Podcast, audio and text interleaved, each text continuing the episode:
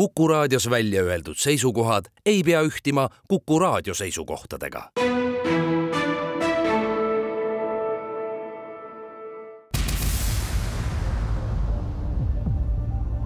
käsi pulsil, pulsil, pulsil, pulsil. tere päevast, alustame aasta viimast saadet Käsi pulsil. stuudios on Martin Ehala ja Kalle Muuli. tere esimese teemana alast, alustame sellest, et ajaloolises madalseisus Reformierakond arutab oma juhi väljavahetamist meedias. teiseks räägime usundiõpetusest, nimelt on siis äh, Luteri kirik teinud ettepaneku ja, ja algatanud isegi allkirjade kogumise selleks, et koolides hakatakse õpetama usundiõpetust ja seejärel räägime sellest, et Rahvusringhääling on sattunud kriitika alla kinoteatri õhtuse vööndi saate ärakeelamise pärast ja, ja, ja Rahvusringhäälingut ei ole kriitika all mitte ainult Eestis. nädala pärli nime all võtame jutuks Eesti Raudtee ja, ja rongiliikluse, kus siis on üllataval kombel selgunud, et meil on kolmkümmend üheksa katkist foori, mis võivad anda vale signaali ja isegi nende äh, valesignaalide põhjus ei ole väga täpselt teada ja selline olukord peab siis kestma vähemalt suveni praeguste plaanide järgi, enne kui see kõik ära remonditakse. käsi pulsil, pulsil, pulsil, pulsil. aga alustame siis üle pika aja jälle Reformierakonnast, peaminister Kaja Kallasest, Reformierakonna juhist, kelle kohta siis äh, Andrus Ansip, äh, meie kõige kauaaegsem kunagine peaminister ja, ja praegune eurosaadik äh, ja Reformierakonna auesimees, muide, neid tiitleid ei jõua ära lugeda siin, enne kui üldse asja juurde jõuad, avaldas aasta lõpu intervjuus Rahvusringhäälingule väga jõuliselt arvamust, et Reformierakond peab juhti vahetama ja peaks tegema seda pigem varem kui hiljem, aga nii või teisiti ja kindlasti. et äh, oligi liiga rahulik ja, ja saaks Jürg, Jürgen Ligi kombel ütelda, et vaiksel ajal tahaks rahus olla või midagi sellist. ja, ja ta ütles seda ka, et Reformierakond vajab suunamuutust ja kui nüüd meenutada, et Eh, Reformierakond on korduvalt ja üsna edukalt suunda muutnud, eks ole, alguses nad olid liberaalse turumajanduse eest väljas kosmopoliitselt, siis tuli vanemapalk ja sündimuse eest võitlemine, seejärel tuli pronkssõduriga rahvuslus ja vene oht, seejärel tuli peenhäälestamine ja nüüd viimasena perevaenulikkus ja LGBT muuta poliitika sisu ja tegemise viisi oli Ansip, Ansipi äh, sõnastus et äh, seal isegi kaks asja, et üks asi on sisu ja selle edastamise või tegemise viis, aga, aga tegelikult noh, võib ju arvata, et äh, mis siis Ansipil nagu viga on, istub seal Brüsselis ja muudkui räägib, aeg-ajalt käib Tartus ja Tallinnas ka. ja, ja noh, see jutt ilmselt, nii palju kui ma ajakirjandusest olen lugenud, tõlgendatakse siis äh, valimiskampaania osana, distantseerumisena Reformierakonna poliitikast, et minna siis viie kuu pärast äh, Euroopa Parlamendi valimistele. noh, mingis mõttes on ju mõistetav, et kes praegu Kaja Kallast kritiseerib, see on populaarne poiss igatepidi.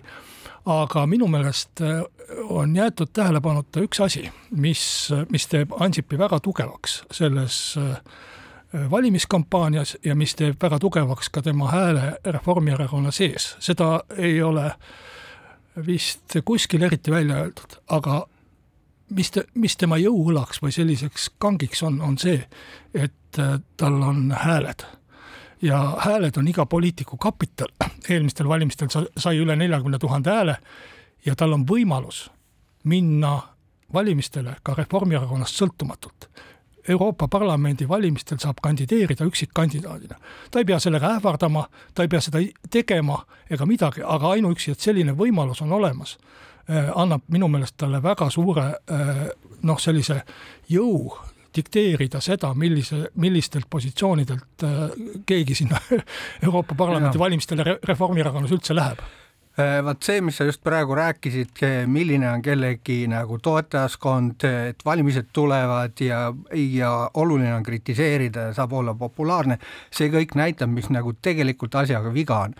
kogu see eh, seltskond nii-öelda poliitiline eliit mõtleb üksnes selle peale, kuidas mingil moel oma võimu kindlustada, kuidas edasi jõuda. ja seda on Reformierakond igatahes teinud väga efektiivselt mitukümmend aastat juba järjest, eks ole. aga mis tagajärjed on, on see, et tegelikult on lastud ülejala, on lükatud kogu aeg probleemne Eh, homse, homse kaela ja nüüd need taristu hädad, eks ole, millest me täna hakkame rääkima, olgu raudteega, olgu Elektrileviga, kõik see on hakanud tasapisi välja tulema eks ole, tegelikult Eesti huvidest ei ole hoolitud, on mängitud ainult seda mängu, kuidas seda võimu kätte saada eh, poliittehnoloogiliste võtetega, see on suurim probleem. noh, eks, eks see mäng käib eh, poliitikas ju kogu aeg kahe, kahel tasandil, üks on mäng kohtade peale, selleks, et sa üldse midagi otsustada saad sul peab olema parlamendis kohti, sul peab olema valitsuses kohti, sul peab olema Euroopa Parlamendis kohti ja selleks pead sa olema populaarne, sind tuleb ja. valida. ja nüüd ma ei tea, kas seejärel või enne seda tuleb poliitika sisu, et mida me selle võimuga siis teeme, kui me kohad oleme kätte saanud.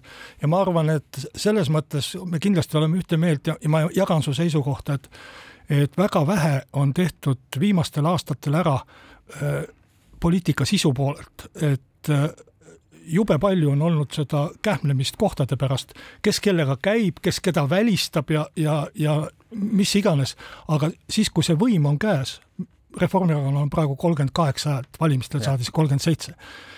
mida sellega siis ära on nüüd tehtud suurt? hulk makse on tõstetud äh, lakke, mis hakkavad äh, järgmisel aastal ja ülejärgmisel aastal äh, kehtima. ja, ja see on siis see põhiline poliitika sisu. ja, ja teine asi, eks ole, et, et see kogu aeg, iga valimistsükliga on läinud see nii-öelda petmine suuremaks, eks ole, et tegelikult varjatakse oma tegelikke eesmärke või leitakse väga populaarsed nagu lubadused, pärast neid ei täideta või, või tehakse midagi muud ja see on läinud järjest-järjest hullemaks.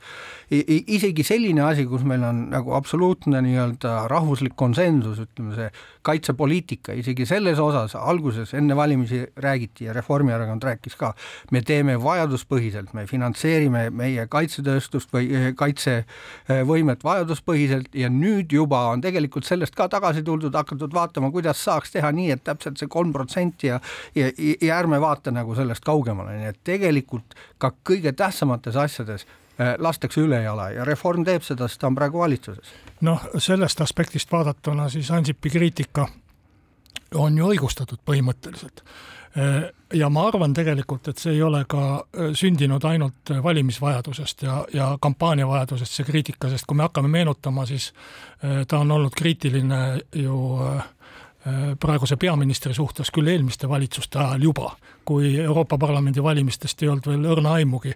meenub mulle väljend pirtsakas mõisapreili vist, kui ma täpselt tsiteerin, mis on vähemalt aasta või kaks vana. et, et nii et noh, siin võib näha ühest küljest kampaaniat ja kindlasti ta on kampaania, aga, aga teisest küljest ikkagi noh, on põhjust ka selle poliitika sisu ja tegemise viisiga, nii ta väljendas äh,, rahulolematu olla. noh, ma ise arvan, et äh, kui EKRE on nõudnud äh, erakorralisi valimisi siin, siis tegelikult ju kevadel, viie kuu pärast me saame need erakorralised valimised. Need ei ole küll Riigikogu valimised, aga need väga kõvasti mõjutavad ka sisepoliitikat, valitsuse poliitikat. Rahval on võimalik öelda, mis ta arvab praeguse valitsuse poliitikast ja ma arvan, et see ka mõjutab väga kõvasti seda poliitikat. kujutage ette, et Reformierakond kukub näiteks äh, Euroopa Parlamendi valimistel täielikult läbi, mida ma ei usu väga, aga, aga kui juhtub nii, et ei saada ühtegi kohta, mis, mis näoga Kaja Kallas jätkab peaministrina? ma, ma arvan, et isegi sellised asjad nagu automaksud kaovad päevakorrast siis ära.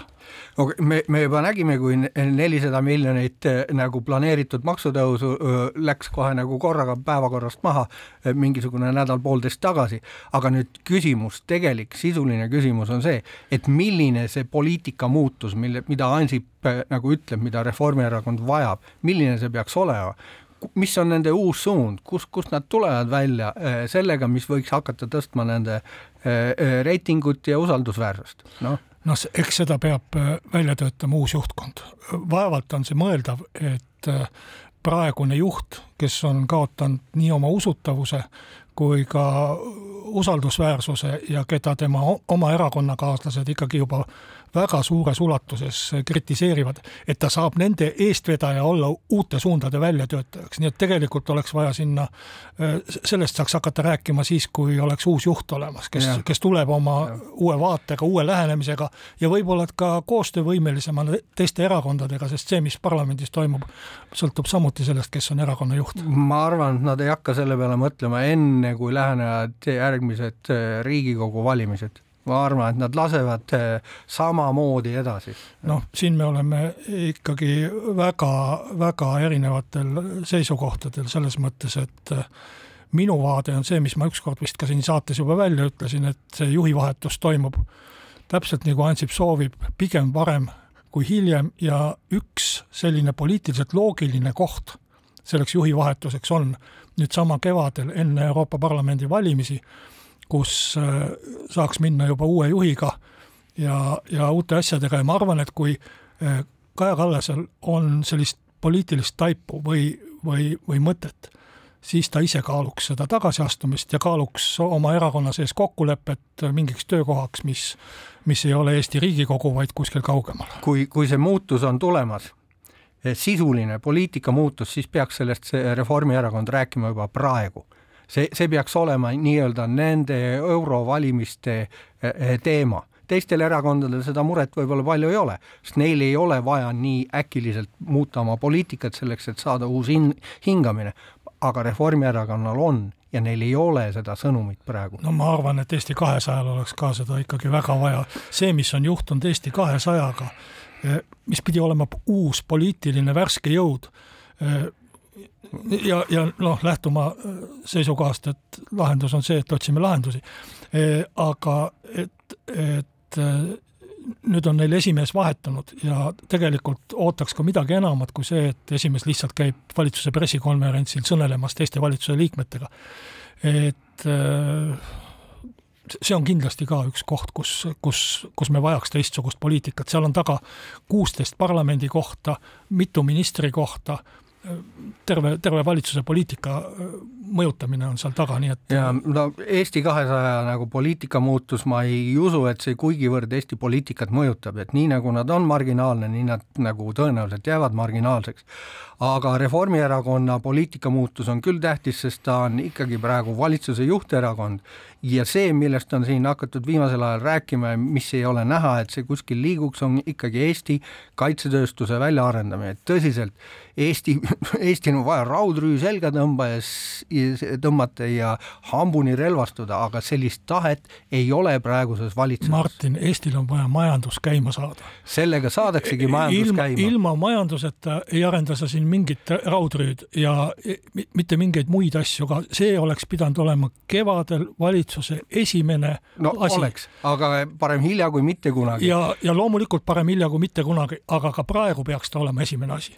kui ja. Majandus saaks, saaks nagu jalad alla natukenegi ja Eesti ettevõtted konkurentsivõimet paremaks, siis meil oleks lihtsam teha riigieelarvet, siis oleks meil lihtsam arendada riigikaitset, kõik, kõik sealt hakkab pihta. et ma ei rääkinud nüüd riigikaitse arendamisest, mille rahastamine tõesti sõltub majandusest, ma rääkisin sellest, et kaitsetööstus, mis on osa majandusest, tuleks rajada ja riigi tellimustega süstida nii-öelda äh, raha majandusse sisse, aidata sellega tööhõivet suurendada ja, riik käima tõmmata, vot seda oleks vaja. vot kuhu me jõudsime nüüd Ansipi ütlusest, et poliitika sisu ja tegemise viisi on vaja muuta, aga teeme siinkohal reklaamipausi.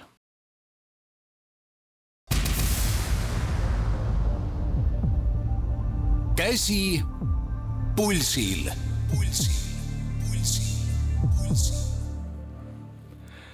jätkame, stuudios on Kalle Muuli ja Martin Ehala, järgmiseks äh, vaatame usundiõpetuse teemat. detsembri algul algatas Eesti Evangeelne Luterlik Kirik petitsiooni, et korraldada rahvahääletus küsimusega, kas muuta usundiõpetus kohustuslikuks õppeaineks ja allkirja sellele petitsioonile saab anda kuni kolmekümne esimese detsembrini, nii et paar päeva on veel aega, tuhat häält peab olema selleks, et et see petitsioon läheks Riigikokku. Ja kui ma hommikul vaatasin, siis oli seal veel umbes sada seitsekümmend häält puudu nii et kui keegi tunnetab tõsiselt, et see on hea mõte, siis tasuks minna ja oma hääle anda, muidu see asi jääb soiku sinna, kus ta on. me ei ole muidugi siia kokku tulnud seda rahvahääletust või, või, või häältekogu, allkirjade ja. kogumist promoma, aga, aga noh, meenub muidugi, et sada aastat tagasi ja, ja meie kuulajate seas nii vanu inimesi ei ole, nii et sellepärast võib-olla tasub meelde, meeles pidada, et üks meie väheseid rahvahääletusi, mis äh, enne vabadussõjalaste põhiseaduse hääletusi kolmekümne kolmandal aastal oli, oli tuhande üheksasaja kahekümne kolmanda aasta hääletus, rahvahääletus selle üle, et kas koolis peaks olema, algkoolis peaks olema usuõpetus või mitte ja rahvas siis otsustas, et peaks olema küll ja väga suure hääle, häälte enamusega mis oli vastuolus Riigikogu otsusega ja Riigikogu läks veel laiali, tulid erakorralised valimised ja nii edasi. et selles mõttes meil on ähm, mingi traditsioon, ehkki me praegu ja. räägime muidugi usundiõpetusest, mitte usuõpetusest, et sellest tuleks vahet teha no Euroopas on usundiõpetus ju kooliprogrammides üsna levinud, ma ei oska nüüd ütelda, mitmes koolis äh, või mitmes riigis, aga seda kasutatakse põhiliselt siis sellise sallivusõpetusena või, või sellena, et noh, on erinevaid uskumusi, on erinevaid ideid ja, ja ja moslemid ja kristlased saaksid koos elada kuidagi. Ja, ja, ja paljudes riikides on see ka praktiline probleem, mitte ainult riikides, vaid ka koolides. Nii et äh, arusaadav, Eestis veel õnneks seda probleemi väga ei ole jah, et põhimõtteliselt usundiõpetuse küsimus, see võib olla vabalt ka kooli tasandi küsimus, ma ei, ma ei arva, et see on nüüd aine, mis on vältimatult tingimata kõigile kohustuslikult vajalik, et ta mitmel pool Euroopas on traditsioonilt eh, olnud ja püsinud, siis see selleks. aga kui me vaatame kas või sedasama saja aasta tagust referendumit kus siis seitsekümmend kaks protsenti hääletas usuõpetuse, kohustusliku usuõpetuse poolt, siis ma olen üsna kindel, et kui see asi üleüldse Eestis nii kaugele läheks, et tehtaks mingisugune äh, rahvahääletus usundiõpet, kohustusliku usundiõpetuse sisseviimiseks, siis ma kaldun arvama, et sealt osavõtt oleks äärmiselt eh, madal ja võib-olla need, kes selle vastu on, oleksid aktiivsemad isegi kui need, kes arvavad, et see võiks iseenesest olla mõistlik mõte, nii et ma arvan, et see kukub haledalt läbi. nojah, sõltub, kuidas õnnestuks seda, ma räägin ka tingivast kõneviisist, sest ma olen üheksakümmend üheksa koma üheksa protsenti kindel, et sellist rahvahääletust ei tule meil. aga eh, sõltub sellest, kuidas eh, õnnestub Äh, see püsti panna, et kui õnnestub ikkagi suur väärtuskonflikt kuidagi tekitada, siis võib äh, äh, inimesed hääletuskastide juurde ka saada, aga mina vaataksin seda, kui nüüd sisust rääkida, ma vaataksin seda küsimust lapse ja lapsevanema ja, ja, ja õppekava seisukohast. et ma ei tea, kuidas sul, aga minul viimane laps käis keskkoolis äh, üks neli-viis aastat tagasi ja ma, ma nägin seda päris lähedalt, kuidas see käis. noh, kool oli ka õppimiskallakuga kool, kus, kus võib-olla, et oli koormus ehk natuke suurem kui mõnes teises koolis, aga siiski, ega sealt praegusest õppekavast ja, ja kodutöödest väga palju muuks aega ei jää, spordiringis jõuad ka tund aega käia ja ülejäänud aja pead õppima. ja siis mul tekib lapsevanemana küsimus, kuna ma kujutan ette, et kodu peaks andma lapsele kasvatuse ja kool hariduse, noh, valdavalt, eks kool annab natuke kasvatust ja kodu natuke haridust ka, et kust see aeg siis võtta, millal ma lähen lapsega kinno, millal ma lähen lapsega teatrisse, millal ma lähen lapsega suusatama kui, kui laps mulle iga küsimuse peale vastab, et ma pean õppima, mul on homseks vaja teha ära kakskümmend matemaatikatehet mm.. ja, ja nüüd me teeme rahvahääletused, paneme veel ühe aine sinna ja. juurde. ja, ja see su äh, nagu analüüs praegu näitabki, et, et millised on prioriteedid, et tegelikult see usundiõpetus kellelegi korda ei lähe, see on nagu mingisugune väike lisand, tore, kui see oleks, aga kui mul on nagunii elu ja päev on kõik täis äh, planeeritud, siis see sinna ei mahu. Ja kui sa rääkisid mingisugusest suure väärtuskonflikti ülespuhumisest selle küsimuse ümber, ma arvan, et see on lootusetu, et siin Eesti ühiskonnas on see jäme ots nii, nii tugevalt nagu antikristlik, et, et siin ei teki mingit sellist tugevat vastuseisu, et Eesti ühiskond on olnud nii pikalt sekulaarne et, et seda, see seltskond, see, see osa ühiskonnast, kelle jaoks see on nagu tõsiselt oluline, on nii palju väike et see ei vii kuhugi. ma muidugi ei tea, mida kumbki meist siin või mida sina usundiõpetuse all täpselt mõtled, et eks, eks seda usundit võib õpetada ka mitut moodi ja see programm võib erinev olla, aga mina nii tähtsusetuks usundiõpetust ei peaks. aga, aga ma arvan, et me peaksime õppekava vaatama terviklikult ja vaatama, mida sealt välja rookida, kui me tahame sinna midagi juurde panna. ma ei ole kindel, et usundiõpetus peaks eraldi tund, tund olema või eraldi aine olema, aga ma ei kujuta ka ette, et näiteks ajalugu oleks võimalik üldse õpetada ilma usundiõpetuseta, et ma arvan, et võib-olla, et peaks ajaloo raames seda usundiõpetust rohkem olema.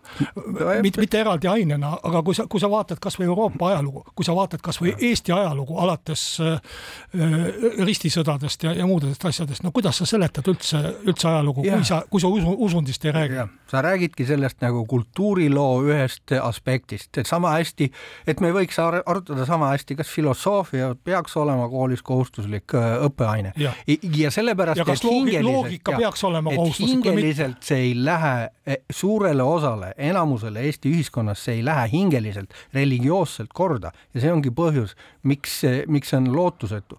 ja see on ka muidugi nagu e, noh, ma räägin sellest, nagu asjad on, e, see ei tee mulle rõõmu, see, et, et lääne ühiskonnad on muutunud sekulaarseks, kaotanud oma nii-öelda moraalse selgroo ja vaate ära, see on tegelikult üks juurprobleem, üks väga tõsine probleem, ma ei tea, mismoodi see leiab lahenduse ükskord. aga see ei leia kindlasti lahendust usundiõpetuse kaudu, ma arvan. Ja mul on kuri kahtlus, ma kardan, et ta ei leia ka kristluse teel lahendust lääne ühiskondades. et noh, võib-olla, et see on nagu liigne üldistus ja võib-olla, et isegi irooniline üldistus, aga aga minu selline tunnetus on, et äh, rahvas usku vajab, aga see usk on, mis, mis enne oli siis äh, kirik põhiliselt, äh, mõnel pool ka riigikirik, et see usk on ikkagi asendunud kõiksuguste posijatega, silmamoondajatega, MMS-idena ja ma, ma ei, ma ei kujuta, noh, ei, ei tea kõiki neid nimetusi, sest ma ei orienteeru selles ja. maailmas väga põhjalikult.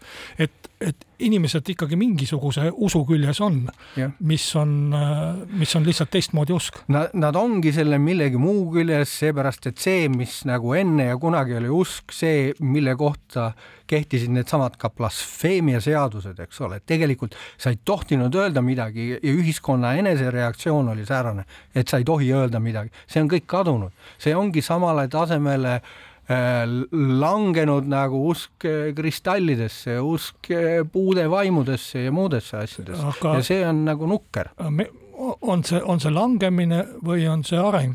väga see, sage-, väga sageli seda serveeritakse meile arenguna. jaa, see ei ole kindlasti mitte areng, sest kui me räägime ikkagi teatud nagu ühiskondlikest protsessidest erinevate ideoloogiate võitlusest, siis on selge, et islam jääb siin peale eks ole, ükski kristlane ei lähe ke kellelgi isegi nina veriseks lööma, kui, kui ta jumalat mõnitab, aga samas moslem läheb ja lõikab pea maha ja vaat see on see fundamentaalne erinevus kristluse ja islami vahel. aga mis siis sinu meelest nüüd hea on?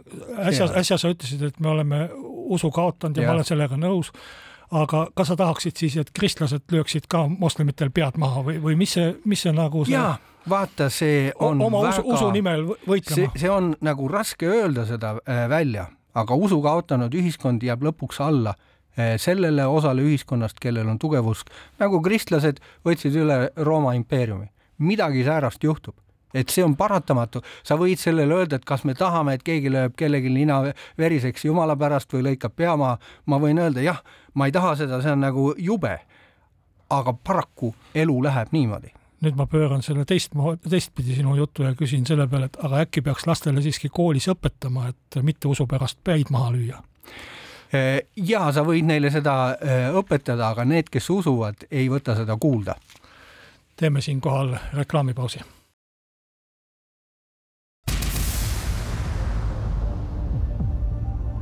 Käsi pulsil, pulsil, pulsil, pulsil. Jätkame saadet, Martin Ehala ja Kalle Muuli stuudios. Räägime Rahvusringhäälingu, täpsemalt ETV ümber puhkenud äh, skandaalist, kus siis äh, ETV peatoimetaja Urmas Oru otsustas äh, eetrist maha võtta või mitte eetrisse lasta. Ühe saate, Kinoteatri õhtune vöönd. See oli siis ühest sarjast või viieosalisest viimane mis eetrisse läinud ja, ja põhjuseks oli siis äh, terav ja, ja Urmas Oru väitel ka põhjendamatu ja, ja osaliselt ka faktipigane kriitika ETV enda aadressil. noh, võiks sellega ka piirduda ja see ju ilmus, eks ole, ikkagi Delfis kirjalikul kujul, ma lugesin selle läbi ka ja minu hinnangul selles eh, tekstis, mis seal Delfis oli, küll iseenesest midagi säärast ei oleks, mida mina võib-olla ei oleks kannatanud, kui ma oleks juhtumisi olnud ERR-i peatoimetaja. samas muidugi eri inimestel ja eri peatoimetajatel on kindlasti erinev ähm, toimetuspoliitika ja erinev nägemus sellest, mis on kohane nende kanalis ja mis ei ole kohane, nii et selles osas mina nagu peatoimetajat küll mingil moel hukka ei mõista selle eest, et ta leidis, et see ei sobi. jah, et äh, põhimõtteliselt on ju nii, et kui, kui, kui peatoimetaja üldse midagi teeb, siis ta selliseid otsuseid langetabki, et see läheb eetrisse, see ei lähe eetrisse. et Äh, kui, kui need otsused langetaks keegi teine või peatoimetaja langetaks neid kellegi teise mõjul, et siis me peaksime olema väga murelikud, aga seni, kuni need otsused langetab toimetus või peatoimetaja, noh, me võime siis äh, kritiseerida seda otsust, aga me ei peaks olema mures ajakirjandusvabaduse pärast. aga samas, kui nüüd ütelda, et seal ei olnud midagi sellist, mida sina ei oleks lasknud, eks see ongi otsustuse ja maitse küsimus, siis mina ütleks vastu, et minu meelest ei ole see hea toon, kui töötajad kritiseerivad tööandjat meedias. töötajatel on alati võimalus tootmisnõupidamisel, töökoosolekul, kus iganes oma, oma pretensioone väljendada või kui neile ei meeldi seal kohas töötada, leiavad, et see juhtkond on halb, siis ka ära minna. aga ei ajakirjandusväljaande puhul ega ühegi teise asutuse puhul. ma ei arva, et see oleks tore, kui pangatöötaja tuleb. meil oli siin hiljaaegu üks juhtum Äh, Erkki Raasukese pangajuhi vastu äh, avaldati mingeid lindistusi kuskilt töökoosolekutelt ja üks, üks töötajalt püüdis teda noh, hukka mõista või halvustada, et see ei jäta ühestki ettevõttest head muljet. ja, ja, ja samamoodi ma ütlen, et meediaväljaande puhul ei ole mingi, mingi vahva asi see, kui meediaväljaanne oma veergudel iseennast hirmsasti kritiseerib. ta õõnestab iseenda vastu usaldust ja sellepärast ükski peatoimetaja seda ka üldiselt ei ja. taha. Eh, kindlasti on kuskil piirid, aga käesoleval juhul ma saan aru, kinoteater ei ole ERR-i töötajad. Nad ongi väljaspoolne seltskond Nad on umbes sama, kui keegi kirjutaks Postimehesse arvamusloo selle kohta, mis ta arvab Postimehe nii-öelda äh, Postimehe toimetamisest ja, ja, ja seal ilmuvast ja kujuta ette, ma kirjutan nüüd sulle arvamusloo, ma saan muidugi sellega hakkama, kus ma ja. kritiseerin Postimehe nõukogu liikmeid, ütlen, et need on täiesti ebapädevad ja, ja ilmaasjata sinna pandud. Äh, juhatuse kohta ütlen midagi ja konkreetselt äh, seal veel mõningate asjade kohta. Ma tahaks näha, kuidas, kuidas Postimees selle ära avaldab. just, küsimus ongi toonis, eks ole.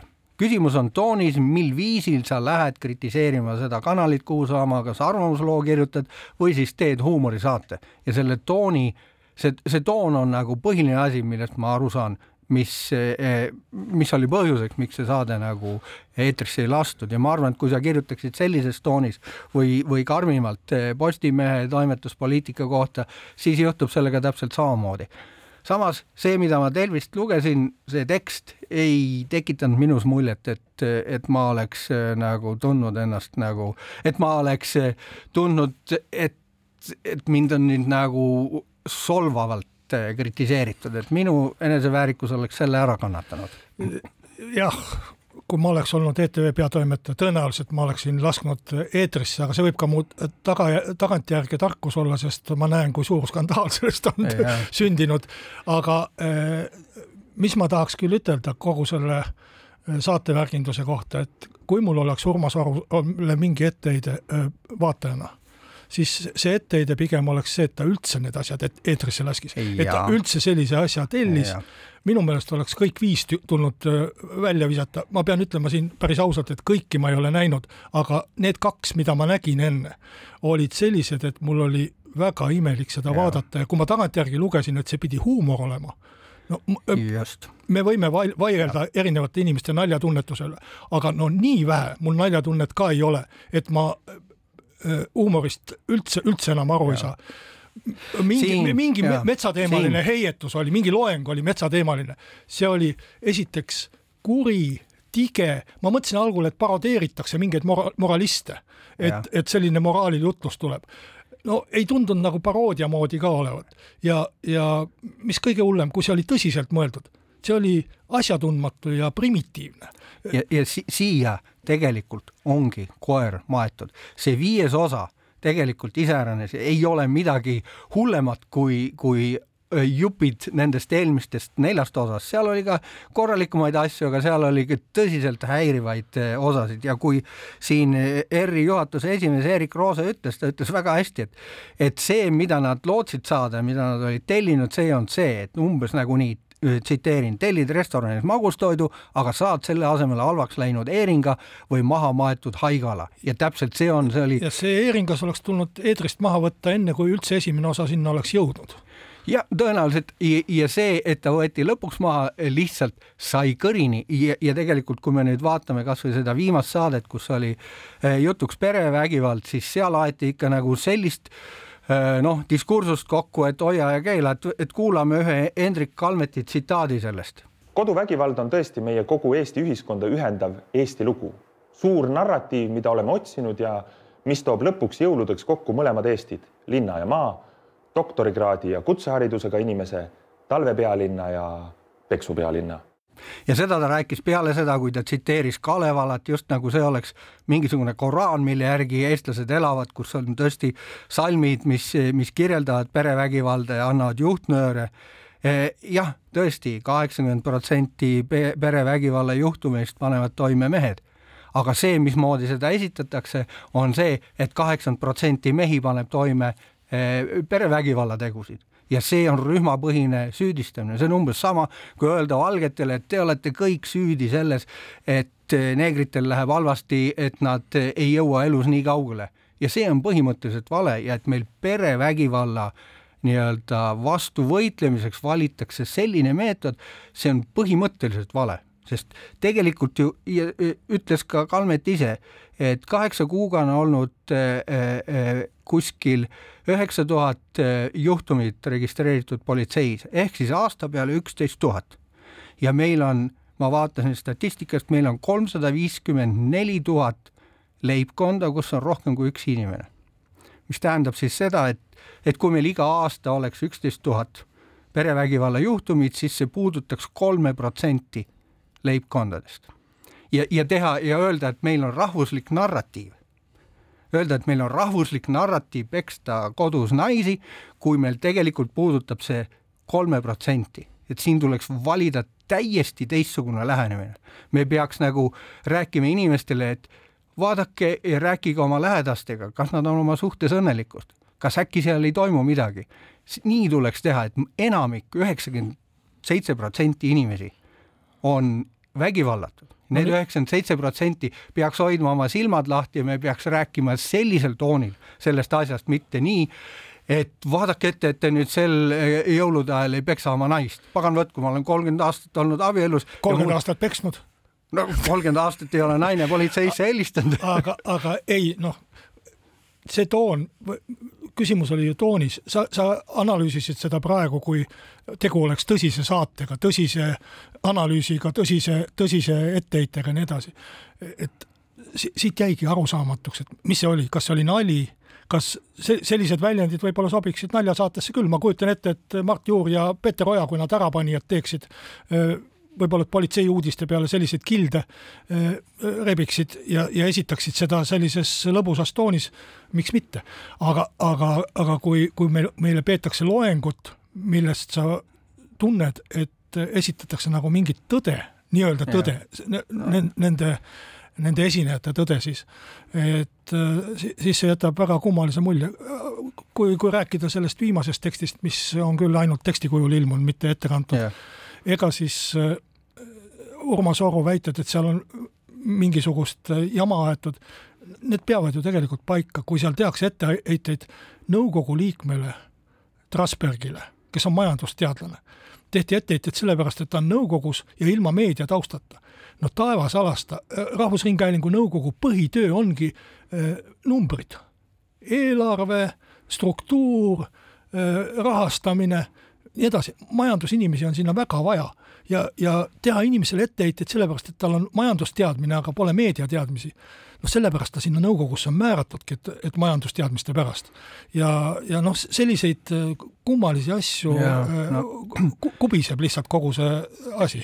Õnneks Eesti meediavabadusega tõesti probleemi ei ole, iga asi, mis kuskil toimetuses leiab äh, veto, ei, läbi ei lähe, leiab kuskil omale koha ja ma arvan, et seesama lõik perevägivallast sellises toonis oleks leidnud ka omale õige koha, näiteks Femis-, Feministeeriumi lehel podcastina oleks täiesti õige koht talle. aga noh, tõesti, et põhimõtteliselt sarnased küsimused või nii-öelda meediakriitika käib Poolas ka, eks ole, et Donald Tuski valitsus, kui tuli võimule, e, e, lasi kõigepealt lahti Rahvusringhäälingu juhid ja, ja seejärel likvideeris üleüldse Ringhäälingu, öeldes, et hakkab seda nagu reorganiseerima, eks ole. et see on minu meelest palju tõsisem oht meediavabadusele kui, kui see, et üks peatoimetaja otsustab mõne teksti või saate eetrisse mitte lasta. no oht on see, et valitsus üldse sellist asja saab teha ja, ja saab nii lihtsalt teha, et Eestis siiski Rahvusringhäälingu juhtide valimine on natuke teistsugune, seal on äh, tähtajad, noh, nõukogu liikmeid saab küll põhimõtteliselt vahetada, kui, kui Riigikogu või parlament vahetub, aga aga ma ei kujuta ette, et Eestis üldse oleks ka Rahvusringhäälingut võimalik nii kiiresti poliitiliselt nagu kas ümber vahetada või tasalülitada, mis sõna me iganes kasutame. aga ka Poola puhul öeldakse, et see ei olnud eh, põhiseaduspärane, et tegelikult on ka neil eh, eh, selline komitee, kes peaks nagu Rahvusringhäälingu üle otsuseid tegema ja, ja sellest mindi mööda. uus Euroopa-meelne valitsus oma esimeste ja, otsuste seas teeb selliseid asju. teeb selliseid asju.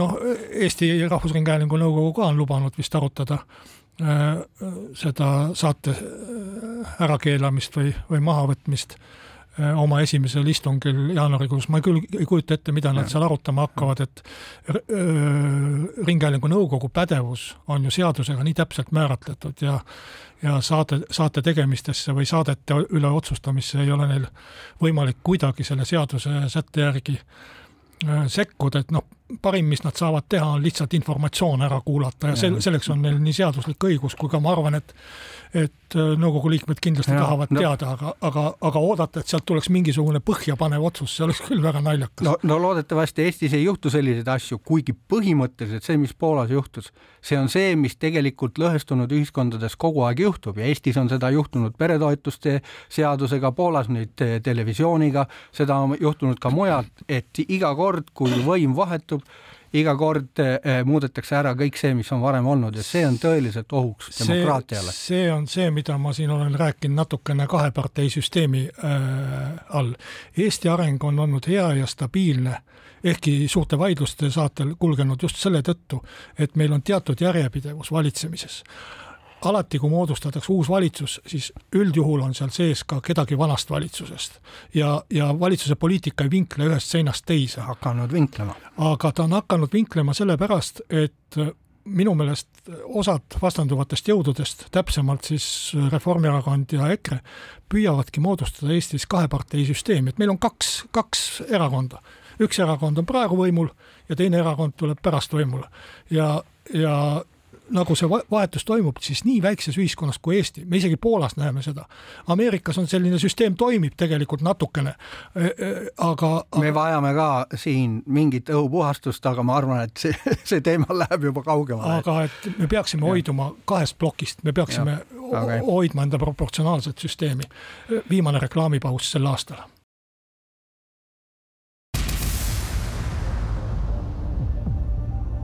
käsi pulsil, pulsil, pulsil, pulsil. stuudios on Kalle Muuli ja Martin Ehala kolmapäeval tuli uudis, et Eesti Raudtee piirab kolmekümne üheksal ülesõidukohal kiirust kuuekümnele kilomeetrile tunnis sest hoiatustuled ja tõkkepuud ei ole korras, nii et mingil põhjusel see signalisatsioonisüsteem ei anna lähenevast rongist teada ja te tekivat mingisugune kümnesekundiline auk, kui hoiatustuled ei, ei põle. Ja see on kaasa toonud äh, õnnetusi. et neid on juba mitu olnud äh, ja ja ma olen siiamaani mõelnud, mis neil autojuhtidel on, et, et nagu sõidavad rongile ette, eks ole, et nagu kuuled järjest nagu läbi aastate kogu aeg on ülesõidukohtadel õnnetusi. ma olen mõelnud, et autojuhid on ajameelsed, aga tuleb välja, et meil on nagu meil on see raudteesüsteem nagu kunagi Ungru krahv, kes, kes tegi nagu vale majakat, pani põlema, et nagu meelitada laevu karile eh, kuritahtliku kasuahnuse eh, tõttu. aga, aga kas meil puhtast. süüdistad Eesti Raudteejuhte selles? Eh, et ma süüdistan selles, et see on kuritegelik hoolimatus, kui on teada juba üle aasta, peaaegu kaks aastat on teada, et need, et need ülesõidukohtade tuled ei funktsioneeri nii, nagu nad peaksid ja alles nüüd nüüd kaks, noh, ühesõnaga kolm kuud vähem kui kaks aastat on siis eh, leitud, et jah, et me peame nüüd kiirust vähendama ja hakkama öö, eh, otsima, kus see vea juured on. see oleks pidanud juhtuma juba esimese õnnetuse järel.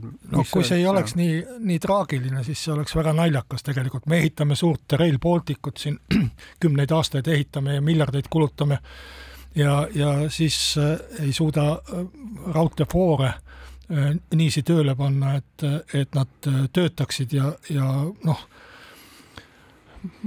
eks siin on raske ütelda, palju on juhi hooletust ja ajameelsust ja, ja fikseerida see, kas see oli just äh, foori tõttu või mingil muul põhjusel või paistis päike juhile silma. et, et paar tükki on kindlasti fikseeritud tõesti, et, et oli just selle foori tõttu, aga, aga ma mõtlen, et selline tehniline rike tänapäeval sellistest, sellisest taristust, kuhu, kuhu nagu maetakse äh, viimase plaani kohaselt vist äh, aastal või sellel kümnendil sisuliselt maetakse vist mingi üheksasada miljonit sinna sisse ja siis on mingi foor, mis mis ei tööta, mille tõttu foor, äh, rongid sõidavad ikkagi kuuskümmend kilomeetrit tunnis, no peaaegu et nagu, nagu tsaari ajal. et seda, seda, see noh, täiesti paradoksaalne olukord minu meelest. jah ei kujuta ette küll, kuidas see nüüd eh, loodetakse see Rail Baltic valmis ehitada, eh, kui raha ei jätku, et seda täielikult välja ehitada, jäetakse ka võib-olla foorid tegemata ja eh, aga, aga just põhiline on ka kasvõi see minu meelest, mis mind nagu väga häirib, on, et nüüd selles ametlikus nagu teadaandes või infos, uudises sellest, et, et piiratakse kiirust need juhid kes neid, kes seda suurt taristut juhib, öeldakse põhimõtteliselt, et äh, raudtee ülesõidu kohal peabki inimene olema ettevaatlik, hoolimata sellest, kas see äh, foor seal töötab või ta on rikkis, et, et see on nagu teie mure nagu vaadata, et te alla ei jää. Ja muidugi on see meie mure, et me alla ei jää, aga minu meelest ei ole see taristufirma äh, juhi äh, nagu vabandus, et inimene peab ise oma elu eest seisma. Ja see on põhjus, miks mul on aega parandada kaks või kolm aastat sisuliselt eluohtlikku asja, see, et nende kolme õnnetuse puhul ei ole keegi surma saanud, see on puhas õnn. Või võib-olla jumal aitas neid, ei tea aga, aga et lastakse nii rahulikult, öeldakse, vaadake siis paremini ette.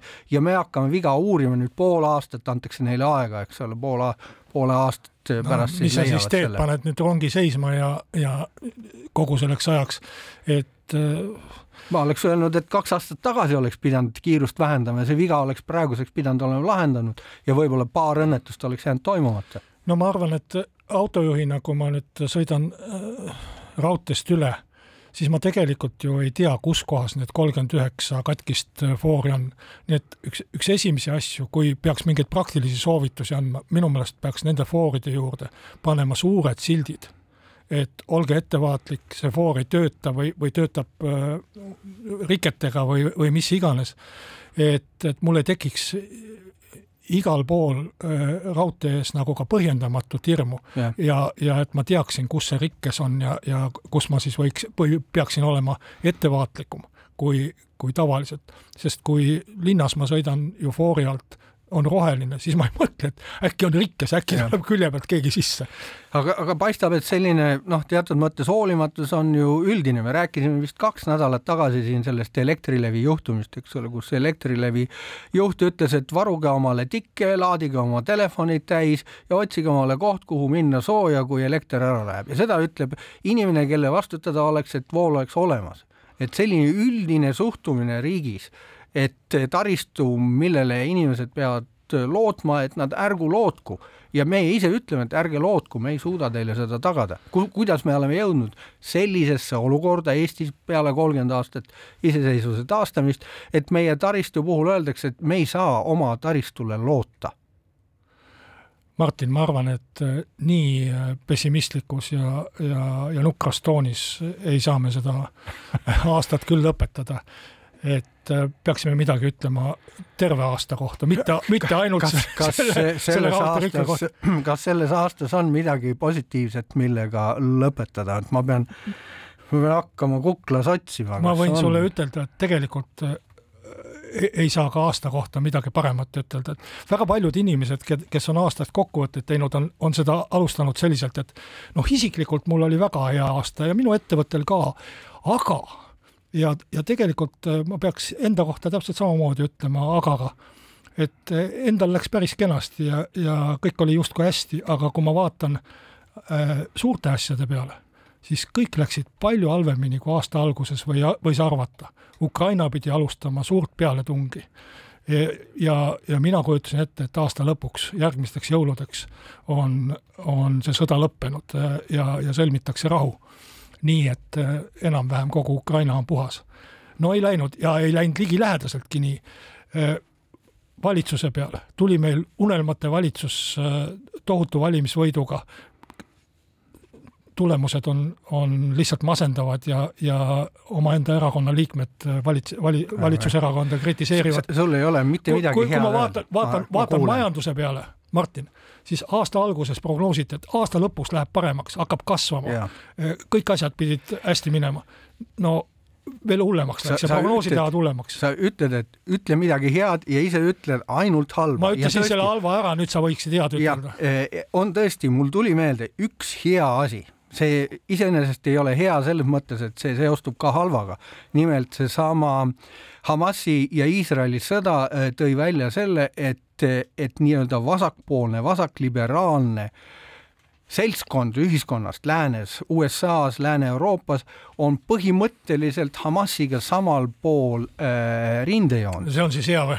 ja see on selles juhtes hea, et ühiskonna silmad on avanenud selles, et näiteks USA tippülikoolides, Harvardis ja, ja Pennsylvanias, et tegelikult seal kasvatatakse sedasama nii-öelda vasakliberaalset meelsust, et kui see seal kestab edasi, siis ei ole siin pääsu eks ole, et, et tegelikult ühiskond läheb sellega nagu hukatusse ja see silmade avamine praegu, et oh, meil on islamistid Oled ja meie nii... liberaalne noorsugu on ühel meelel, me oleme teinud kuskil mingi põhimõttelise vea. oled sa, oled sa ikkagi kindel, et need silmad on avanenud? kogu aeg tundub, et need silmad avanevad. Ukraina sõja algul tundus ka, et Scholzi silmad avanevad.